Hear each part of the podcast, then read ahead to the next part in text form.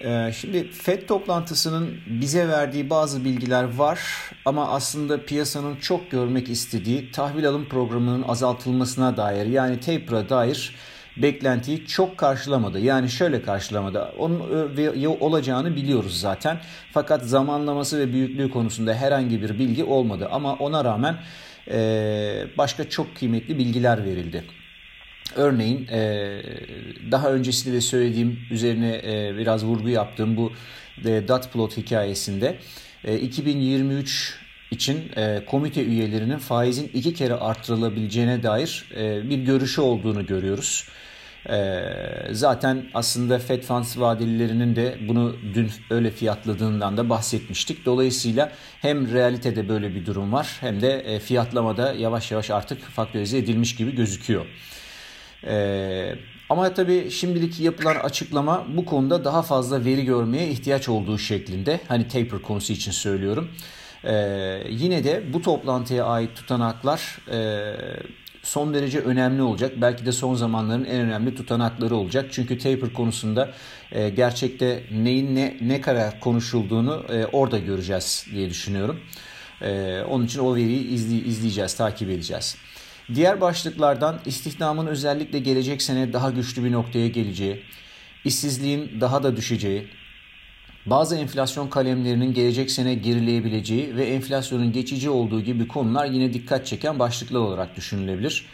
Ayrıca enflasyon konusunun yanında piyasada çok çok konuşulan stagflasyonla ilgili e, soru geldi.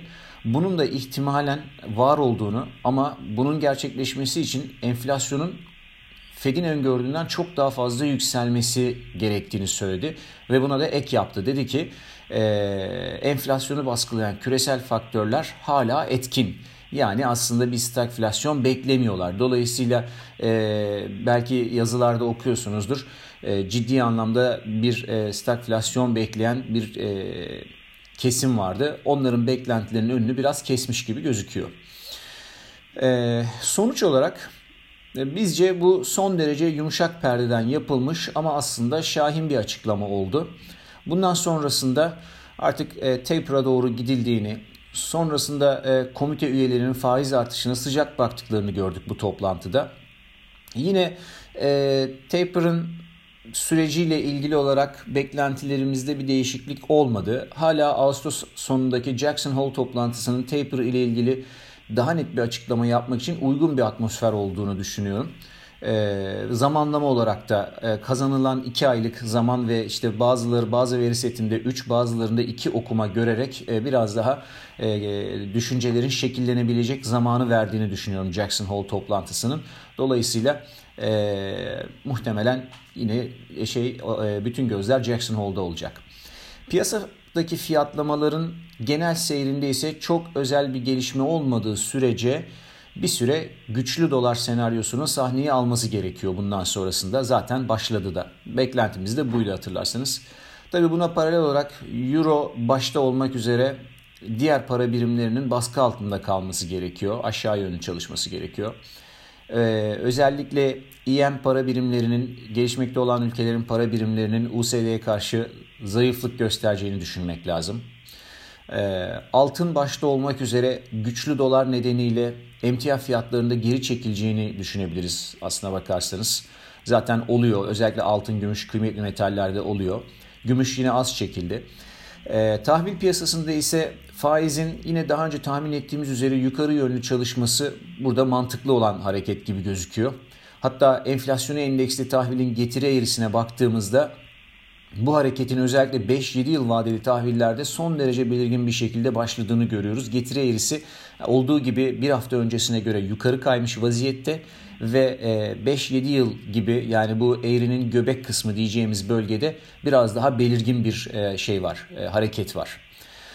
Dolayısıyla bunların hepsi Fed'in nokta grafiklerde gösterilen faiz artışı beklentisine paralel bir, bir fiyatlama olarak görülmeli. Hisse senedi piyasası tarafında ise zaten çoktandır ihtiyaç olunan teknik düzeltmenin katalizörü sanki bu olacak gibi gözüküyor. Bu taper konusu olacak gibi gözüküyor. Ama yine de e, gelecek bu satış hani işlerin piyasanın tam olarak döndüğü anlamına gelmez. Hala e, yukarı yönlü piyasanın bir süre sonrasında devam edeceğini tahmin ediyorum. Bu sabahki piyasa fiyatlamalarına gelince 10 yıl 10 yıllık tahvil getirisi tekrar 50 günlük hareketli ortalamaya alttan vurmuş durumda. Bu bugün olur mu bilemem ama sonrasında bu direncin üzerine atarak faizin %1.70 bölgesine kadar ilk etapta yükselebileceğini düşünüyoruz. E, bu gelişme tabi e, altın ve gümüş için çok parlak bir e, durum çizmez. E, zaten dünkü harekette baktığımızda altın Fed gelişmesiyle bir süredir sözünü ettiğim bu 1840-1820 aralığının da altına kaydıktan sonra bunun tam alt bandı olan 1820 civarında konsolide olmaya çalışıyor ama Sanıyorum ki görüntü o bölgede değil daha çok 1800 bölgesindeki 100 günlük hareketli ortalamaya yakın bir yerde konsolide olacağı yönünde. 1800'e vurursa e, yukarıdan short yapabilenler olduysa daha önceki düşüncelerimize paralel bir şekilde e, bunlarda bir miktar hafiflenebileceğini tahmin ediyorum. Çünkü 1800'den sonra orada konsolide olurken e, aşağı yukarı oynayacaktır ve yukarı gidişlerde eğer 1840 civarına gelirse önümüzdeki işte günler içerisinde bu yeniden e, shortları koymak için, e, yerine koymak için veyahut da elimizde yoksa yeni açmak için fırsat gibi gözüküyor. Hatta arzu edenler put spreadleri bile düşünülebilir. Biraz volatilite artmış olmasına rağmen. Gümüş ise son haftalarda sıkıştığı bandı aşağı yönlü kırdı. Burada biliyorsunuz zaten bir e, biraz daha marjı yüksek bir hareket bekliyorduk birkaç zamandır söylüyordum bunu. O hareket e, aşağı yönlü geldi. E, hatta dün bu konuda ufak bir altını çizerek belirtmiştim. Yani volatilitenin artacağı bandın dışına çıkacağını bekliyorum ama mutlaka yukarı gitmesi gerekmiyor demiştim. Zaten aşağı kırdı ve 50 ve 100 günlük hareketli ortalamanın kesiştiği 27-26,5 bandında destek buldu. Eee Şimdilik burada gümüşte e, yani biraz daha tabii güçlü durmasına rağmen beklentiler e, tabii zayıflığa işaret ediyor. Onu da o şekilde düşünmek lazım. FED sonrasında bakır hariç diğer baz metaller duruşlarını korurken güne düşük başlangıç yapan bakırda gün içi satışları karşıladı. Ee, yani çok sert devam etmedi FED tepkisi çok fazla olmadı. Ee, bir süreliğine bakırda yukarı tepki hareketleri görebiliriz gibi gözüküyor. Çünkü öncesinde çok sert satış görmüştü. Ee, ama bu tepki alımlarının cılız hareketler olabileceğini değerlendirmek lazım. Bu nedenle hala bakır almak için çok iyi bir yerde ve zamanlamada değiliz diye düşünüyorum. Ama bakır madencilerinden Freeport McMoran hissesi vardı. Bunu daha önce paylaşmıştım. Bu hisse e, de bakırla birlikte güzel bir satış görerek şu anda teknik anlamda e, alınabilecek yerlere kadar gelmiş gözüküyor. Bir örnek söyleyeyim ben. E, herkesin tabii kendi risk algısı ile e, bakıldığında farklı stop limitler koymak lazım ama ben örnek olarak şöyle söyleyeyim. Freeport McMoran hissesi için söylüyorum. 36 doların altında stop e, yapılabileceğini ama e, hedefin de 39,5 dolar olabileceğini düşünüyorum burada. Teknik olarak fena görünmüyor. Dolayısıyla bu anlamda baktığımızda risk getiri rasyosu 1'e 2,5 çok kötü değil. E, belki düşünülebilecek bir şey olabilir, alternatif olabilir. Petrol tarafında henüz e, fundamental'larda bir değişiklik yok ama e, orada ister güçlü dolar diyelim, ister dün bahsettiğim teknik oluşum nedeniyle diyelim günlerden sonra ilk defa satıcılı bir gün geçirdi.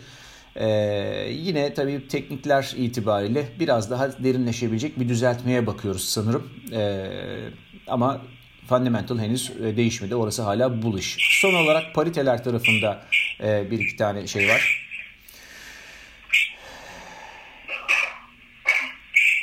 Paritelerde e, FED toplantısı Tam da aslında beklediğimiz reaksiyonun oluşmasına neden oldu. Dolar endeksi hızlıca 100 günlük hareketli ortalamaya kadar yükseldi ve burayı aşmaya çalışacak gibi gözüküyor. Muhtemelen de önümüzdeki günlerde yukarı doğru dolar endeksinde hareketin devamını görürüz.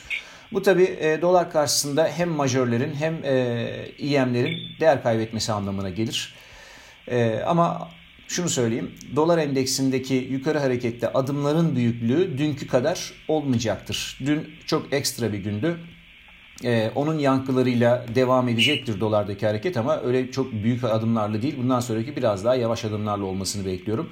Buna paralel olarak Euro dolar paritesi de kaçınılmaz olarak 1.20 bölgesindeki hareketli ortalama desteğine kadar kaydı dünkü hareketle. Ama önümüzdeki haftalarda burada 1.16-1.17 civarının test edilebileceğini düşünüyorum. Ee, eğer böyle arada yukarı doğru denemeler yaparsa e, bunu muhtemelen short pozisyonları arttırmak ya da işte e, realize ettiğimiz shortları yerine koymak için e, piyasa kullanabilir diye düşünüyorum. Bugünlük bu kadar. Herkese iyi seanslar.